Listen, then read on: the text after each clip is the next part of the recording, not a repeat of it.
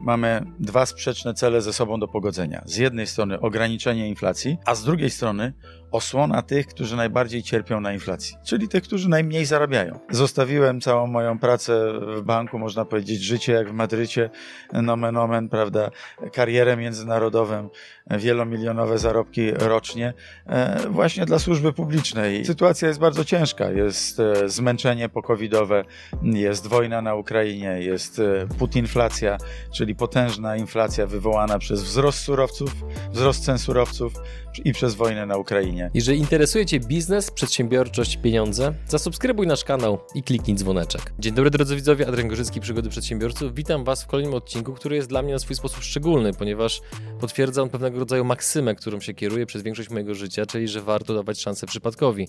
I jakiś czas temu stwierdziliśmy, że chcielibyśmy zaprosić do naszego programu premiera Matusza Morawieckiego i zadać mu szereg różnych pytań w imieniu różnych przedsiębiorców. Te pytania zebraliśmy, dlatego drogie koleżanki i koledzy, którzy pomagaliście nam w stworzeniu listy tych pytań, dziękuję Wam bardzo. A my zaczynamy wywiad.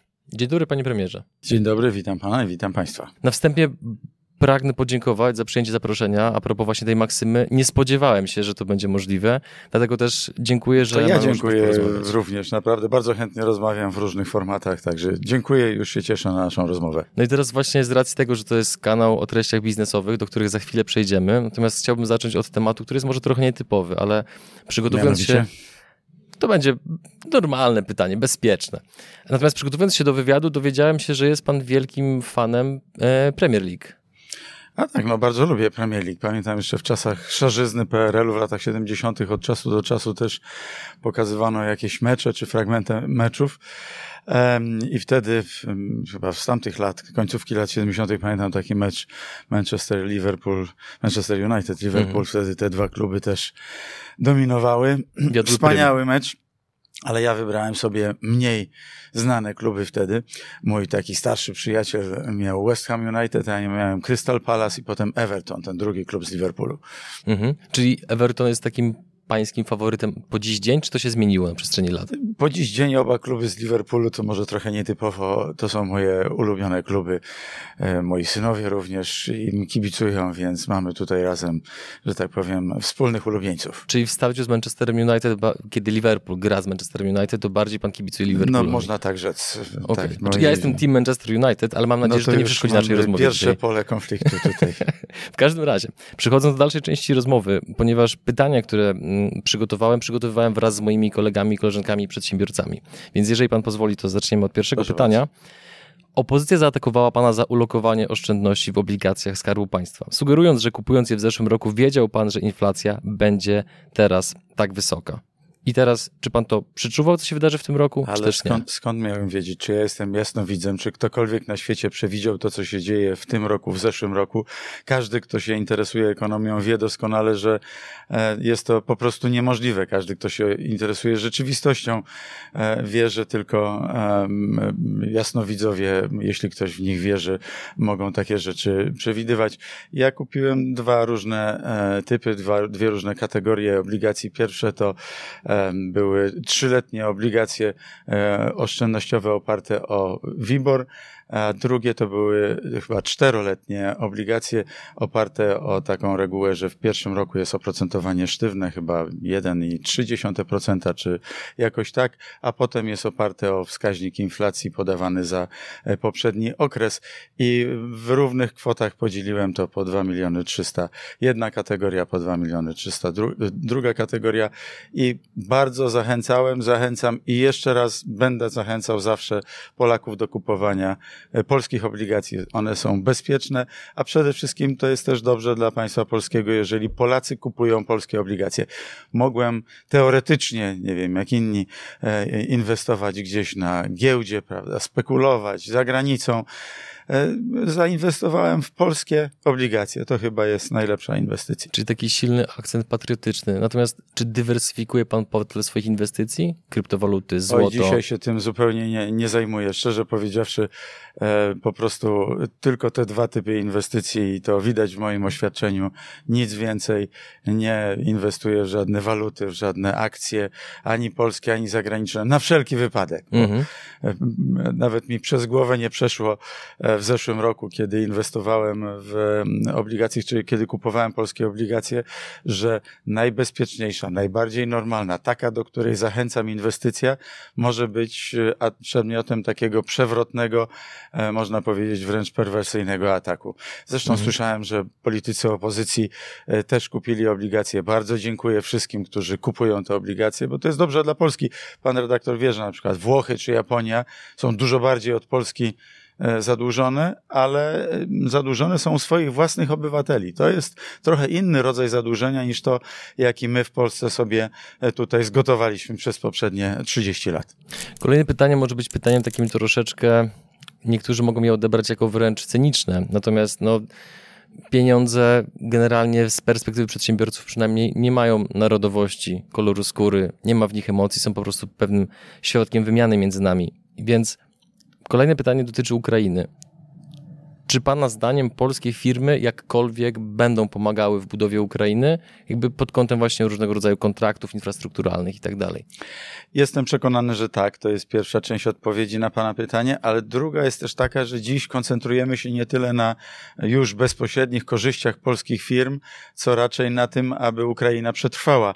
E, nie chcemy być znowu w ruskiej niewoli, nie chcemy znowu wpaść w szpony rosyjskiego imperializmu, bo byliśmy w nich przez blisko 300 lat i e, dobrze nam jest jako niepodległemu państwu. W związku z tym staramy się mm, organizować pomoc dla Ukrainy w postaci e, humanitarnej, humanitarnych dostaw, dostaw broni, a także organizować wsparcie polityczne, dyplomatyczne na całym świecie.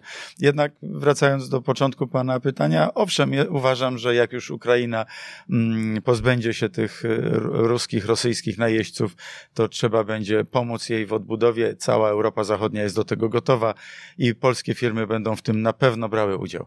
No i teraz pytanie takie troszeczkę może z boku biznesu, ale z mojej perspektywy jest to element fundamentalny, biorąc pod uwagę Pana funkcjonowanie.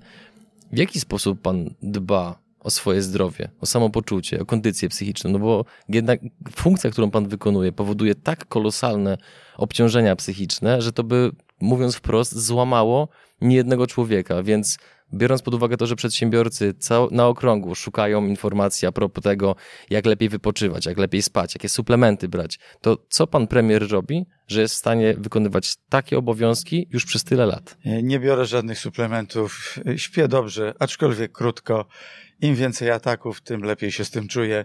A jak pomyślę sobie, co przechodziły poprzednie nasze pokolenia, to naprawdę sądzę, że żyjemy w całkiem e, czasach spokojnych. To znaczy, o ostatnich kilku miesiącach nie można tego powiedzieć, Oczywiście. bo ta wojna to jest realna wojna, jest, e, jest bestialskim, barbarzyńskim atakiem, ale wcześniejsze czasy, jeden kryzys, drugi, oczywiście potem przyszła pandemia i to już było coś zupełnie nietypowego, ale nie mam problemu z tym.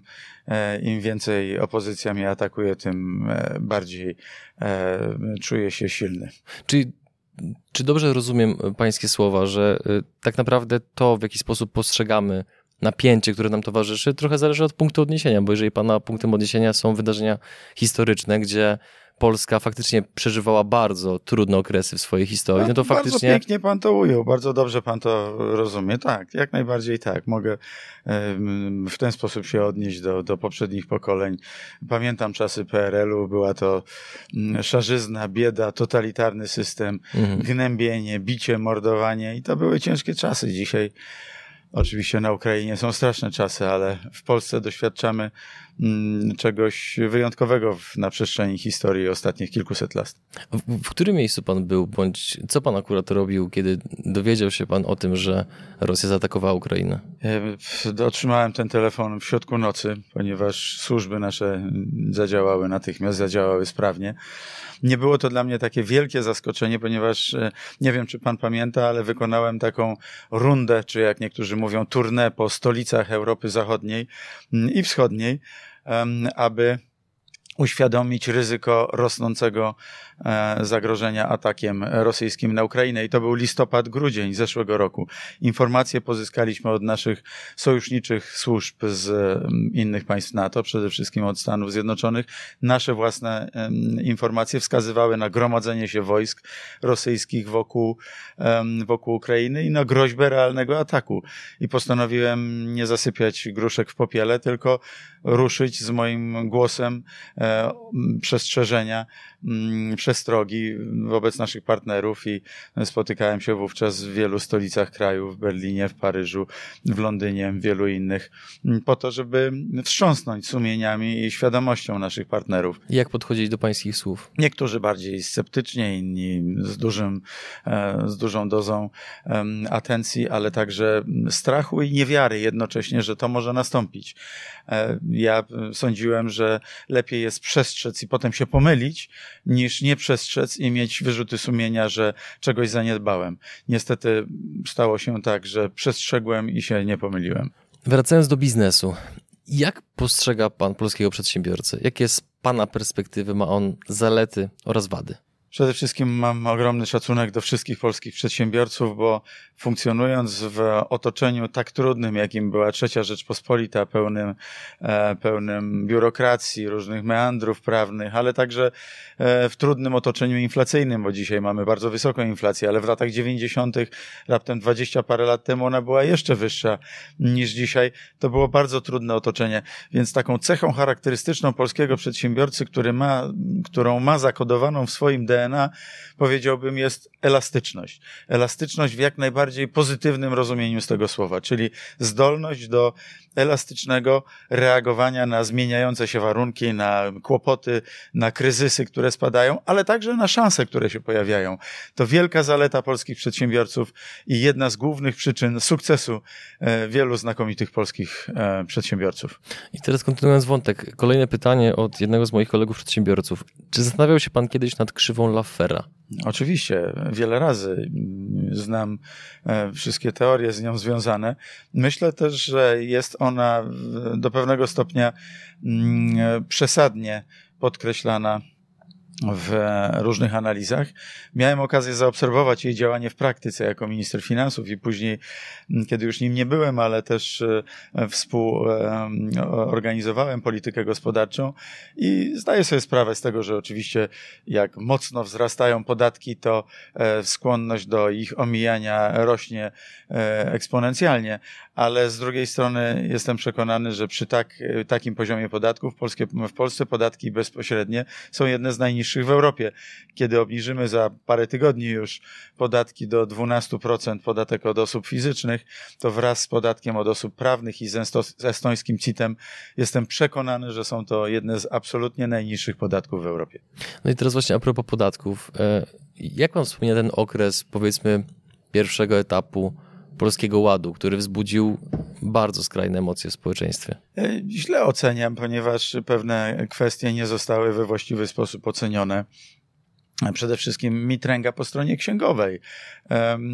Księgowi, przedsiębiorcy, wszyscy, którzy mm, muszą rozliczać podatki swoje, pracowników i tak dalej, mają prawo do prostoty, do uproszczenia tego systemu i to jest dzieło, które jest przed nami. Dlatego mm, oczywiście nie, nie zostało to w odpowiedni sposób zorganizowane. Mm, przy wielkich zmianach, wielkich projektach, gdzie drwa rąbią, tam wióry lecą. Tak się niestety stało, ale Panie redaktorze, nie chciałbym, żeby to przykryło tego, co jest bardzo dobre dla Polaków. Otóż wdrożyliśmy e, jedną z najwyższych e, kwot wolnych od podatku do 30 tysięcy złotych.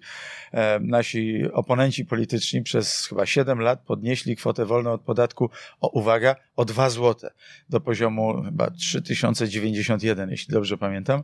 My podnieśliśmy nie o 2 złote, tylko do poziomu 30 tysięcy złotych bez podatku. I drugi akord zmiany od 1 lipca podatek PIT dla wszystkich osób do 12% na jeden z najniższych poziomów, a także podniesiony pierwszy raz od kilkunastu lat drugi próg podatkowy do 120 tysięcy złotych. To są te mechanizmy, które mają budować polską klasę średnią.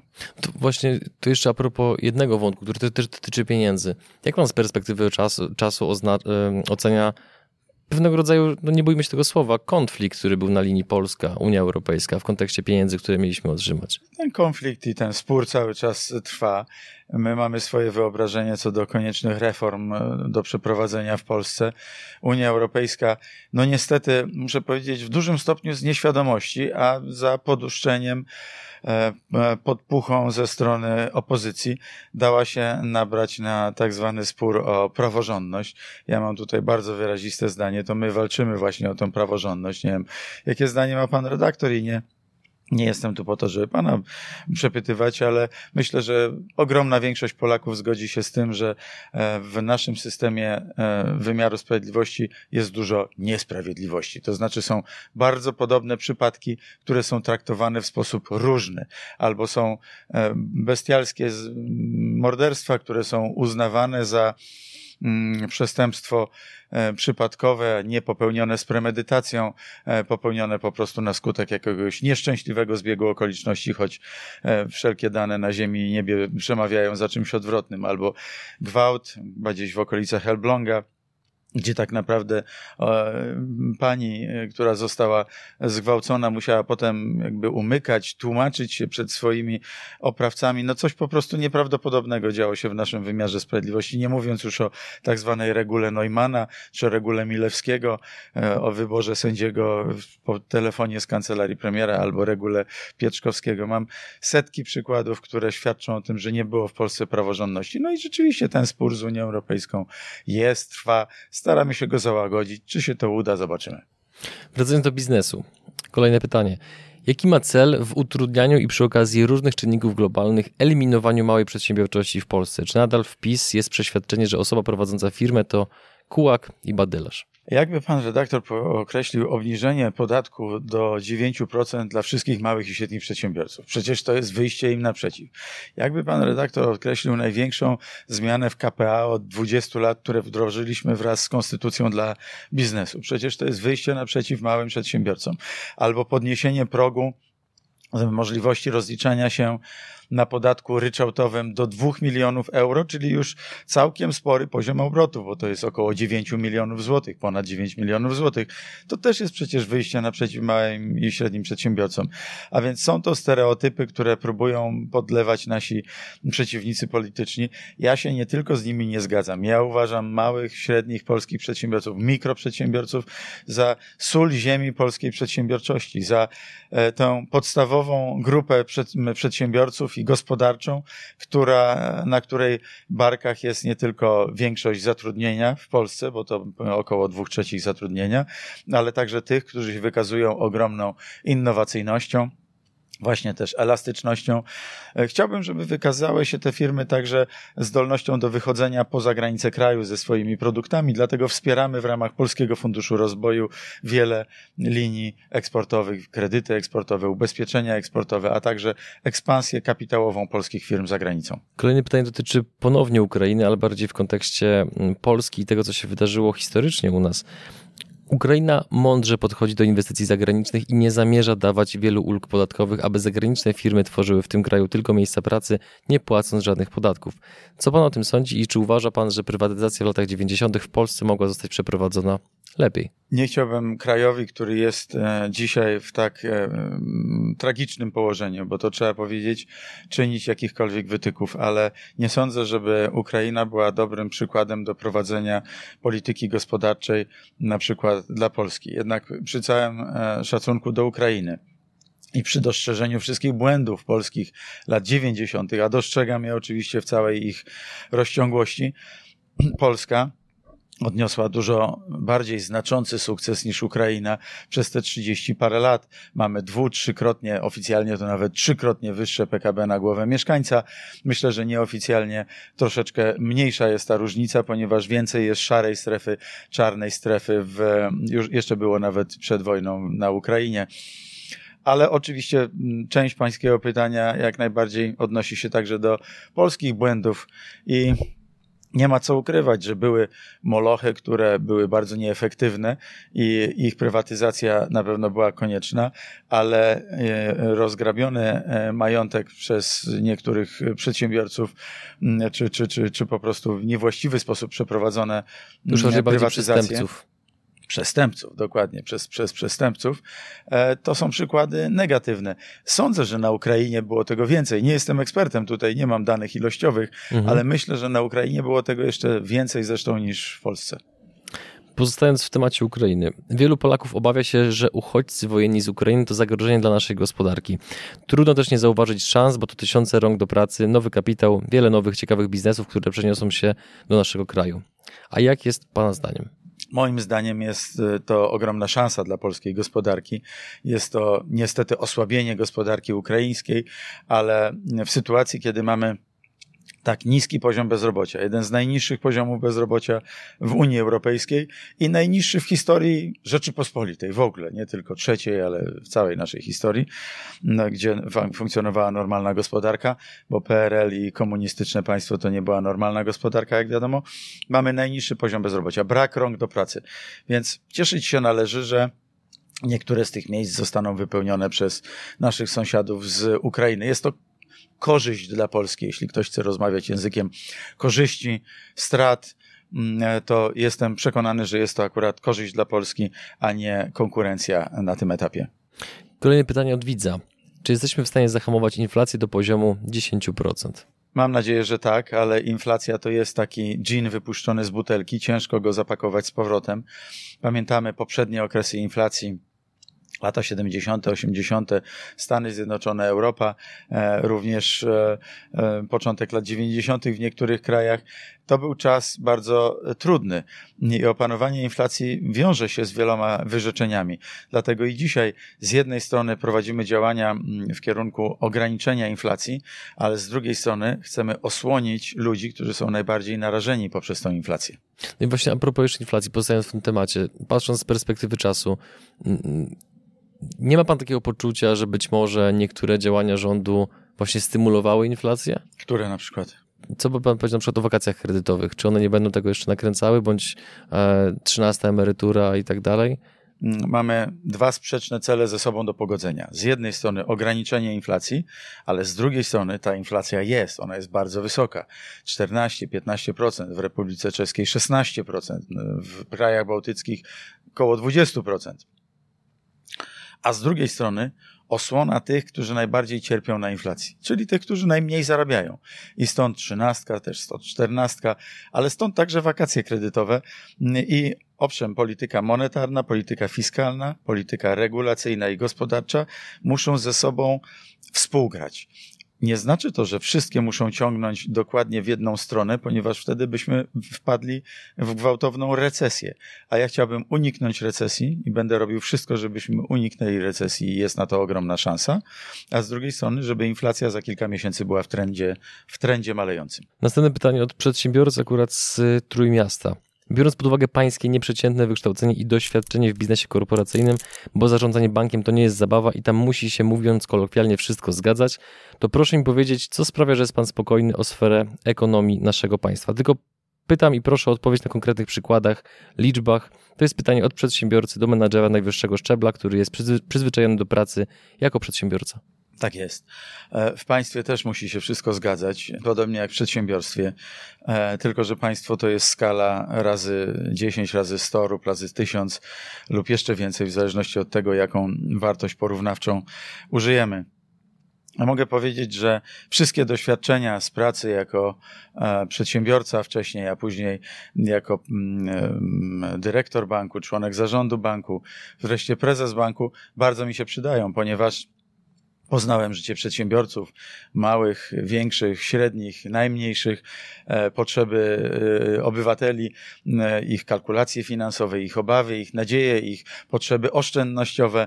Mm, i bardzo cieszę się, że to wszystko mogę zaangażować dzisiaj na rzecz służby publicznej, bo ja zostawiłem całą moją pracę w banku, można powiedzieć, życie jak w Madrycie, nomen omen, prawda, karierę międzynarodową, wielomilionowe zarobki rocznie, e, właśnie dla służby publicznej i cieszę się, że mogę się jej poświęcać, bo jest to coś pięknego, to na tym się teraz koncentruję, a wiedza tam uzyskana bardzo się przydaje.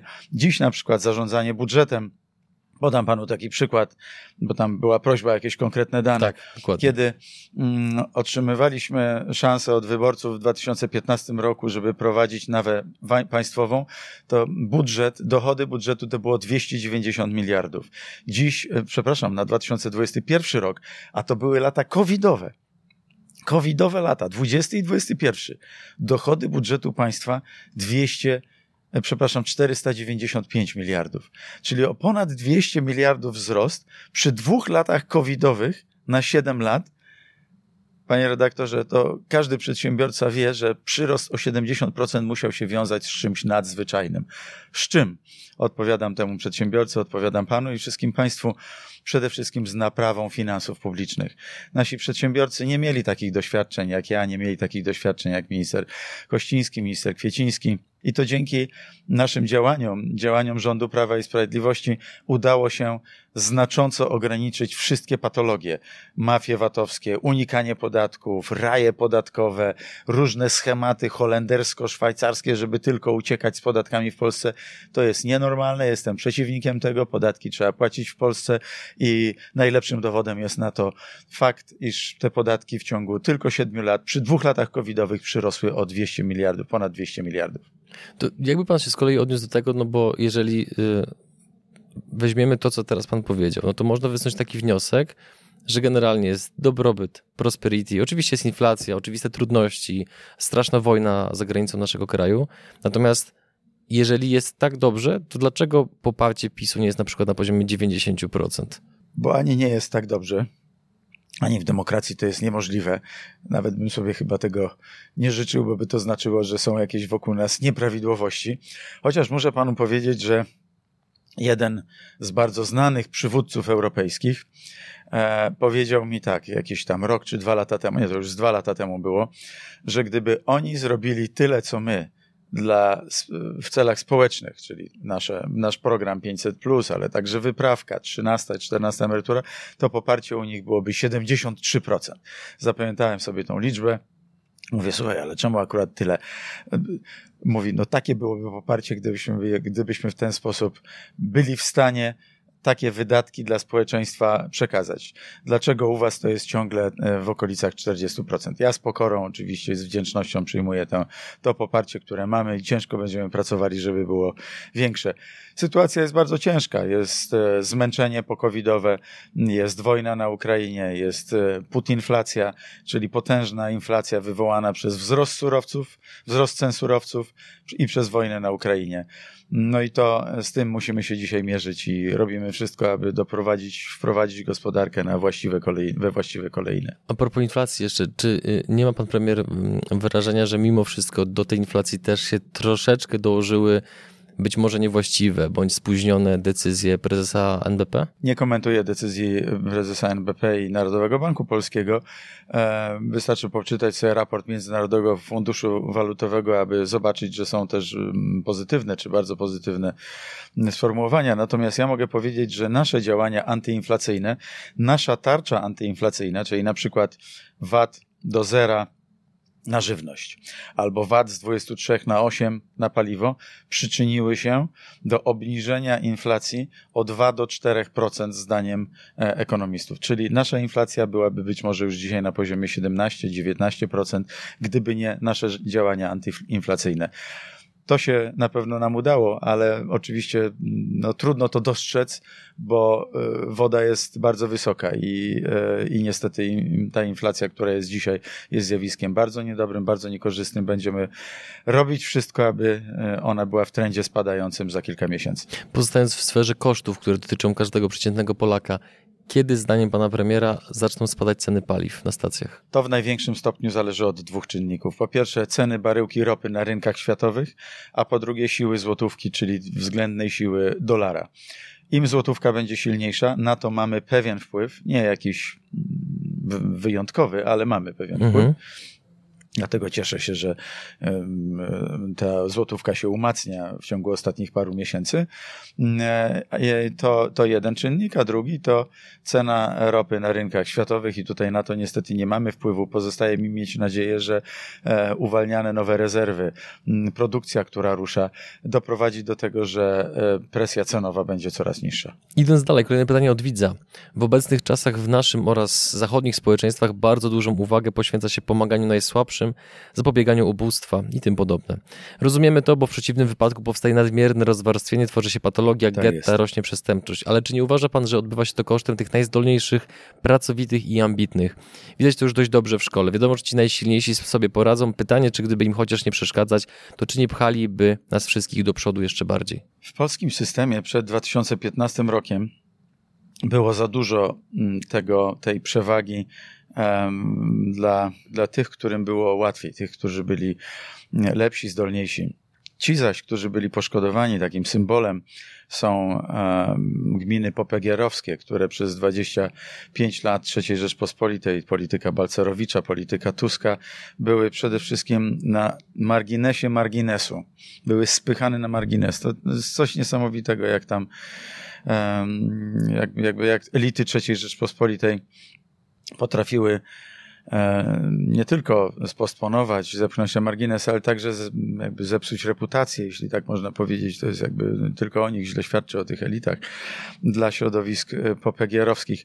I to są dwa skrajne, dwie skrajności, prawda? Ci najbardziej zdolni, najbardziej dynamiczni, mm, ci, którym najłatwiej jest się wybić i ci, którym najtrudniej się jest wybić. I ja e, poczytuję sobie to za ogromny sukces rządu Prawa i Sprawiedliwości, że my przełożyliśmy tę wajchę z darwinizmu społecznego, jak to było wcześniej, w kierunku równości, sprawiedliwości i solidarności. Kolejne pytanie od przedsiębiorcy z Bydgoszczy. Jest pan przykładem polityka w polskim Sejmie, który osiągnął coś większego przed karierą polityczną. Wiele mówiło się o pana stanowisku i zarobkach, przy których wynagrodzenia rządowe wypadają blado. Stąd wniosek, że jest pan w polityce, bo chce pan grać w wielkiej, wielkiej grze lub z powodów ideowych. Czy nie uważa pan, że fakt, że większość osób w obecnej polityce jest raczej na krótko i mówiąc kolokwialnie, żeby się napchać, czy poprzeczka dostępu do polityki nie powinna być jakoś podwyższona? No nie, nie zgadzam się z jakimkolwiek cenzusem tutaj, to byłoby kompletnie nieporozumienie. Ja jestem oczywiście w polityce wyłącznie w celach ideowych, to e, myślę, że e, każdy, kto zastanowi się uczciwie nad tym, e, jaki krok podjąłem, jaką decyzję podjąłem w roku 2015, do takiego wniosku dojdzie. Natomiast nie uważam, żeby e, większość ludzi, czy polityków na szczeblu sejmowym, czy, e, czy w innych miejscach idzie do polityki po to, żeby się e, chyba napchać. Było takie sformułowanie, jakiego pan użył. To tak. bardzo nieładne sformułowanie. Uważam, że e, ogromna większość polityków e, to są e, ludzie, którzy chcą dobrze, chcą lepiej dla swojego otoczenia i mm, niestety czasami nie wychodzi. Czasami e, ktoś ulega jakimś różnym pokusom i to jest oczywiście ludzkie. Błądzić jest rzeczą ludzką. Mamy od tego odpowiednie służby, żeby eliminowały różnego rodzaju patologie. Tu przydałyby się również zresztą niestety sądy, które także mhm. powinny eliminować te patologie, ale tego nie czynią.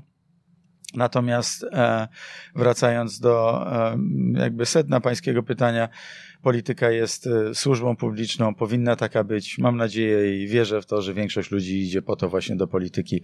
Zresztą doceniam bardzo kompetencje moich koleżanek, kolegów e, z klubu Prawa i Sprawiedliwości. To są znakomite kompetencje właśnie polityczne, społeczne, ekonomiczne, kulturalne, w wielu, w wielu miejscach dotyczące dziedzin, wielu dziedzin jednocześnie. Mm, to są, to są unikalne, interdyscyplinarne kompetencje, które są bardzo ważne po to, aby współkształtować życie publiczne. A czy jest coś w Pana partii, co Pana drażni? Tak po ludzku. Przede wszystkim e, muszę tak na takie pytanie odpowiedzieć e, odwrotnie, że jestem wdzięczny bardzo mojej partii za to, że ona w tych e, w tym trudnych okolicznościach, w takim, takim można powiedzieć, w takiej ulewie i w takim grząskim terenie jak walec realizuje ideały Solidarności, realizuje ideę silnego państwa. Polska musi być wielka, musi być silna. Mm, chcemy pomagać ludziom. To jest nasze credo, to jest nasza, to jest, to jest wiara w to, że, mm, wiara w to, że, że, że, że się uda. A jeśli mm, miałbym powiedzieć to, co życzyłbym sobie, aby zostało poprawione dzisiaj, wiąże się to w dużym stopniu z COVID-em. To jest aktywność, nasza aktywność w terenie. To sobie obiecujemy, to o tym mówimy i sądzę, że każdy może się tutaj uderzyć w pierś, choć ma też to właśnie swoją niestety taką przyczynę covidową że tych spotkań było dużo mniej i każdy powinien ruszyć w teren do swoich gmin, do swoich sołec, do, do swoich miast, miasteczek, aby tłumaczyć tę rzeczywistość, która, na, która nas otacza. Wywołał, wywołał pan premier do tablicy COVID-a, więc y, muszę to zapytać. Czy znowu z perspektywy czasu żałuje pan jakichś decyzji, które podjęliście właśnie próbując radzić sobie z pandemią? Pytam chociażby o lockdowny które miały kolosalny, gigantyczny, niejednokrotnie dramatyczny wpływ na wiele firm. Oczywiście mamy świadomość tego, że istniały tarcze, natomiast nadal to dotknęło bardzo wiele firm. I pytanie, czy e, lek nie zaszkodził pacjentowi? Papierkiem lakmusowym odpowiedzi na Pana pytanie jest to, mm, jak poradziliśmy sobie z dwoma podstawowymi parametrami gospodarczymi. Pierwszy to poziom bezrobocia i zatrudnienie, to jest awers i rewers, ale niedokładnie mm, odwzorowujący jeden drugi, jak wiadomo. E, I drugi czynnik e, to mm, wzrost gospodarczy, wzrost PKB. W obu tych dyscyplinach, jeśli mogę tak powiedzieć, wyszliśmy bardzo dobrze porównaniu do naszej konkurencji, czyli do innych krajów e, członkowskich Unii Europejskiej, ponieważ wzrost gospodarczy za lata 2020-2021, czyli te dwa lata covidowe, łącznie był około 4% i to był bardzo dobry wynik, jeden z najlepszych w Unii Europejskiej, mm, ale to nie jest wszystko. To by mnie jeszcze tak nie cieszyło, gdybyśmy nie mieli tak niskiego poziomu bezrobocia. Tarcze antykryzysowe miały właśnie służyć obronie miejsc pracy i to się udało. Dlatego tutaj się z panem nie zgodzę, że lekarstwo było gorsze od choroby. Jeżeli ktoś ma takie zdanie, to niech sobie pozostanie przy tym zdaniu. Ja uważam, że lockdowny były potrzebne, ponieważ wtedy połowa społeczeństwa się dramatycznie obawiała zakażeń. Druga połowa się tak nie obawiała zakażeń, obawiała się tych lockdownów, prawda? I trzeba było wyważyć lockdowny do jakiegoś poziomu, ale także wszelkie inne zasady i dyscyplina antykowidowa, antyepidemiczna, e, plus tworzenie miejsc w szpitalach e, jako coś, co było bardzo ważne. Zwrócę uwagę, panie redaktorze, że jest jedna zasadnicza różnica między nami a Francją, nami a Hiszpanią, nami a Włochami. Tam dokonywano selekcji. Ten pacjent jeszcze może pójść na leczenie, a ten pacjent już nie może pójść na leczenie. To się nazywa triage w medycynie i u nas nie było czegoś takiego. Owszem, były różnego rodzaju problemy, ogromne problemy w służbie zdrowia, ale staraliśmy się przyjąć każdego, położyć każdego pacjenta. Stworzyliśmy specjalne szpitale covidowe. Tu rozmawiamy na Stadionie Narodowym. Na Stadionie Narodowym również właśnie utworzyliśmy e, specjalny szpital tymczasowy. Więc myślę, że tak w pigułce, mhm. w pigułce mógłbym odpowiedzieć w sprawie COVID-u właśnie tak. A czy Polacy mogą się obawiać kolejnych lockdownów, chociażby patrząc na to, co się dzieje w tej chwili w Szanghaju? Mam nadzieję, że nie, ale przestrzegam dzisiaj wszystkich przed tym, co może się stać jesienią. E, COVID może wrócić, dlatego zachowujmy zasady sanitarne, to jedna rzecz, ale druga, zaszczepmy się tą trzecią albo czasami czwartą dawką. Ja sam za kilka tygodni chcę mm, przyjąć mm, czwartą dawkę, chyba to w sensie czwartą dawkę, no po prostu ponownie się zaszczepić. Na, grypie, na grypę się szczepię od dwudziestu kilku lat i chwalę sobie to. Mm, e, więc tutaj być może również na COVID ci, którzy będą się chcieli szczepić, będą się mogli zaszczepić e, co roku i jeśli będzie taka możliwość, to ja tą szczepionkę chciałbym przyjąć przed sezonem jesiennym, ponieważ uważam, że ona chroniła i wszystkich do tego tego zachęcam. Im więcej osób zostanie zaszczepionych, tym większa szansa, że unikniemy jakichkolwiek perturbacji gospodarczych również. No i teraz przechodzę do kolejnego tematu, który e, budzi emocje. E, z jednej strony u młodych ludzi, ale z drugiej strony też u osób potrzebujących, u osób chorych. Legalizacja marihuany e, mało osób wie o tym, że medyczna marihuana w Polsce jest już dostępna. Można być pacjentem, można mieć receptę, można... Mało stosunku... osób wie, że to my zrobiliśmy właśnie. E, tak, to jest kolejna rzecz, tak. No i teraz właśnie a propos tego, tutaj pytam w imieniu wszystkich tych, e, którzy mówiąc wprost, e, raczą się marihuaną, ale w kontekście też, no przynajmniej na razie, nielegalnie, rekreacyjnym. Czy marihuana rekreacyjna również będzie zalegalizowana w Polsce? Jakie są to perspektywy? Ja jestem temu przeciwny. Dlaczego? Lecznicza marihuana to jest jedna rzecz, a e, używanie miękkich narkotyków e, w celach, jak to pan powiedział, rekreacyjnych? Tak zostanę przy Pana sformułowaniu, to jest coś, co moim zdaniem e, tworzy ryzyko e, wejścia w całą tą przestrzeń e, narkotykową. Komuś może nie wystarczyć potem miękki narkotyk, sięgnie po twardy, twardszy narkotyk i dochodzi do tragedii. Ja po prostu jestem przeciwnikiem narkotyków we wszelkich postaciach. Mm, musiałem być, jakby no, musiałbym być długo przekonywany, żeby się zgodzić na coś takiego, ponieważ uważam, że miękkie narkotyki też są groźne. Widziałem statystyki z innych krajów, z Holandii, z Belgii, e, które pokazują, że jednak miękkie narkotyki też prowadzą do twardszych narkotyków i bardzo bym się tego obawiał. Mhm. W takim razie nie mogę nie zapytać, bo to jest też często pytanie, które właśnie w takich dyskusjach jest przywoływane. Jeżeli idziemy takim tokiem rozumowania, to jakby dlaczego w takim razie pozwalamy, żeby chociażby mocne alkohole były sprzedawane, które, gdzie alkohol, no to jest, mamy tysiące przykładów pokazujących, że ludzie po alkoholu są agresywni, popełniają przestępstwa, dokonują często morderstw, tego typu rzeczy, a mimo to alkohole są pięknie opakowane, pięknie podświetlone na półkach sklepowych i można je kupić praktycznie w każdej chwili, w każdym miejscu w Polsce. Ale są pewne ograniczenia, to po pierwsze, a po drugie jest jednak różnica między e, alkoholem a, a narkotykami.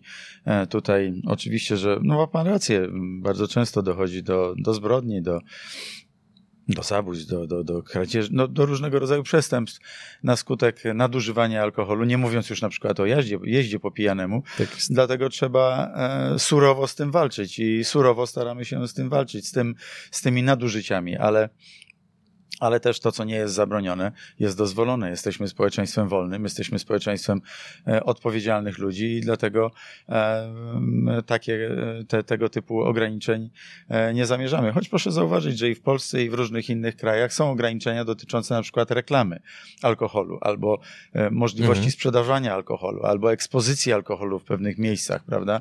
Tak, żeby młodzi ludzie byli mniej narażeni na, na sięganie po alkohol, a więc nie jest to towar dostępny bez ograniczeń. Dotknęliśmy teraźniejszości, dotknęliśmy przeszłości, trochę porozmawialiśmy o przyszłości. Niemniej właśnie temat przyszłości chciałbym jeszcze chwileczkę rozwinąć. Jak pan premier ocenia, bądź jakie są przewidywania a propos wdrożenia technologii blockchain w kontekście administracji, w kontekście zarządzania państwem?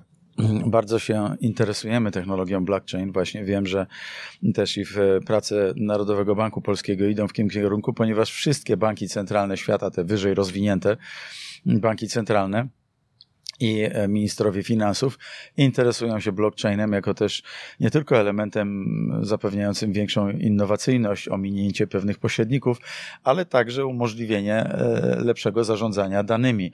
A wiadomo, że dane to jest e, ropa naftowa XXI wieku, to jest zarządzanie danymi, to jest ogromna szansa, również dla Polski.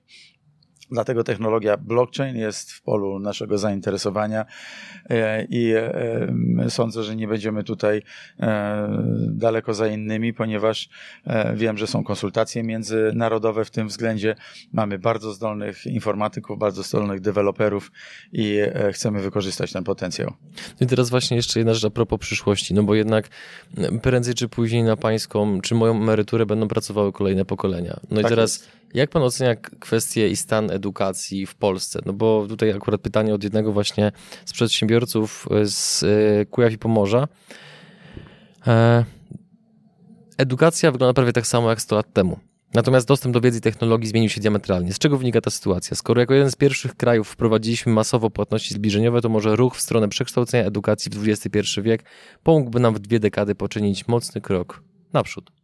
Muszę się troszeczkę pochwalić, bo te płatności zbliżeniowe to jednym z pierwszych banków to były właśnie w Banku Zachodnim WBK wdrażane. Moi znakomici koledzy Czyli przyłożył pan do tego rękę. Troszeczkę przyłożyłem do tego rękę, ale na serio bardziej mówiąc, to e, panie e, redaktorze, owszem, system edukacji wymaga unowocześnienia, dlatego inwestujemy w laboratoria przyszłości, dlatego małe centra Kopernik. Proszę popatrzeć na inwestycje w internet szerokopasmowy. Rok 2015 10% szkół. I to pewnie też te w większych miastach. Dzisiaj to jest ponad 90% szkół, za chwilę będzie blisko 100% szkół z internetem szerokopasmowym tablice interaktywne, nowoczesne bardzo środki edukacyjne. Oświata musi wejść na wyższy poziom, oczywiście z punktu widzenia technologii. Położenie większego nacisku na informatykę, tworzenie miejsc pracy dla informatyków, bo co z tego, że wykształcimy informatyków, jak ktoś inny nam ich porwie, prawda? Można powiedzieć. Co się obecnie dzieje w dużym stopniu. O, muszę powiedzieć, że od trzech lat widzimy powroty informatyków, e, a jeśli chodzi w ogóle o migrację, to z Wielkiej Brytanii, z Irlandii, z Francji łącznie, z Niemiec łącznie wróciło już do Polski 300 tysięcy ludzi, czyli po raz pierwszy w historii Polski mamy trend odwrotny. Przybywają tutaj do Polski um, nasi obywatele, którzy wcześniej wyemigrowali. Więc z tymi słowami krytyki się w dużym stopniu zgadzam, ale też pokazuje, że staramy się robić dużo w tym zakresie. Mm, uważam zresztą też, że e, i edukacja w zakresie nauk ścisłych, która jest absolutnie kluczowa w nowoczesnej gospodarce, ale także edukacja przedmiotów humanistycznych, która buduje siłę naszego ducha, naszą, nasz patriotyzm, jest równie potrzebna. One razem są jak dwa skrzydła, na których się poruszamy właśnie e, no, w przyszłość, tak jak pan powiedział. Panie premierze, zamykając klamrą nasz wywiad i wracając trochę do początku, Dlaczego zgodził się Pan przyjąć zaproszenie do naszego programu? Za co oczywiście bardzo dziękuję. No dlaczego nie? Dlaczego miałbym się nie zgodzić? Ja się bardzo chętnie godzę na różnego rodzaju rozmowy. To rozmowa o przyszłości także i bardzo dziękuję za te pytania. E, w dużym stopniu, jak powiedziano mi przed tą rozmową, miało ono dotyczyć gospodarki. Gospodarka i społeczeństwa to jest dla mnie jedno. Liberałowie często przywłaszczają sobie Adama Smitha, takiego praojca, prawda, e, wolnej Legenda. gospodarki. E, ja zwracam uwagę na to często, że Adam Smith to nie tylko to nie tylko jakby interes własny, bo tam podkreśla się, że właśnie interes własny, Adam Smith, liberalizm, neoliberalizm i dlatego właśnie ta platforma, ten Tusk i tak dalej. Nie, nie, nie. Adam Smith jest tak samo nasz, bo Adam Smith kładł ogromny e, nacisk na sprawiedliwość i na dobro wspólne. Mm, a ten podręcznik do przyszłości gospodarki polskiej musimy napisać sami, bo działamy w okolicznościach gigantycznej zmiany, w okolicznościach, kiedy kryzys tworzy potężne zagrożenie. Niektóre się już materializują, jak na przykład inflacja, ale też tworzy szansę dla tych, którzy potrafią tym kryzysem lepiej zarządzić, albo może lepiej z niego wyjść, prawda? Wyjść z niego obronną ręką. Więc takie rozmowy o gospodarce, o analiza przeszłości, bo tutaj pan mnie przepytywał o te kwestie związane z, nawet z dalszą przeszłością, teraźniejszości i przyszłości, to rzecz niebywale wartościowa, myślę, dla naszych obywateli. My, a w szczególności ja na pewno nie posiedliśmy wszystkich, rozumów. Słucham bardzo chętnie wszystkich mądrych ludzi, ciekawych pytań, prowokacyjnych, także tych nietypowych. Bardzo dużo było też takich, które tutaj usłyszałem, za, za nie dziękuję. E, I cieszę się z tego, że możemy mm, współkształtować e, przyszłość. A użyłem takiego słowa elastyczność w kontekście przedsiębiorców tak. wcześniej, dzisiaj. Ja myślę, że i w odniesieniu do gospodarki e, to słowo jest także adekwatne. Gospodarka musi dzisiaj, w, tak, w czasach tak dużej zmienności, umieć odpowiadać na wyzwania e, płynące z różnych stron. Wyzwania, z którymi się wcześniej jeszcze nie mierzyła. COVID, wojna, inflacja, surowce. To są rzeczy, o których jeszcze trzy lata temu nikomu się nie śniło. Nikomu. Wszyscy mówili, o tutaj wzrost jakiś tam. Już niektórzy w Unii Europejskiej chcieli znosić te marne, mizerne i nijakie sankcje na Rosję nałożone po ataku na Krym. Już chcieli je znosić, by, byli tacy. Dzisiaj widzimy, w jak kompletnie innej rzeczywistości nagle się obudziliśmy i musimy razem znaleźć odpowiednie ścieżki do najlepszej przyszłości dla Polski. I rozmowy temu służą. Drodzy widzowie, słuchacze, dziękuję, że byliście z nami. Panie premierze, Dziękuję za rozmowę. Dziękuję bardzo. Dziękuję panu, dziękuję państwu.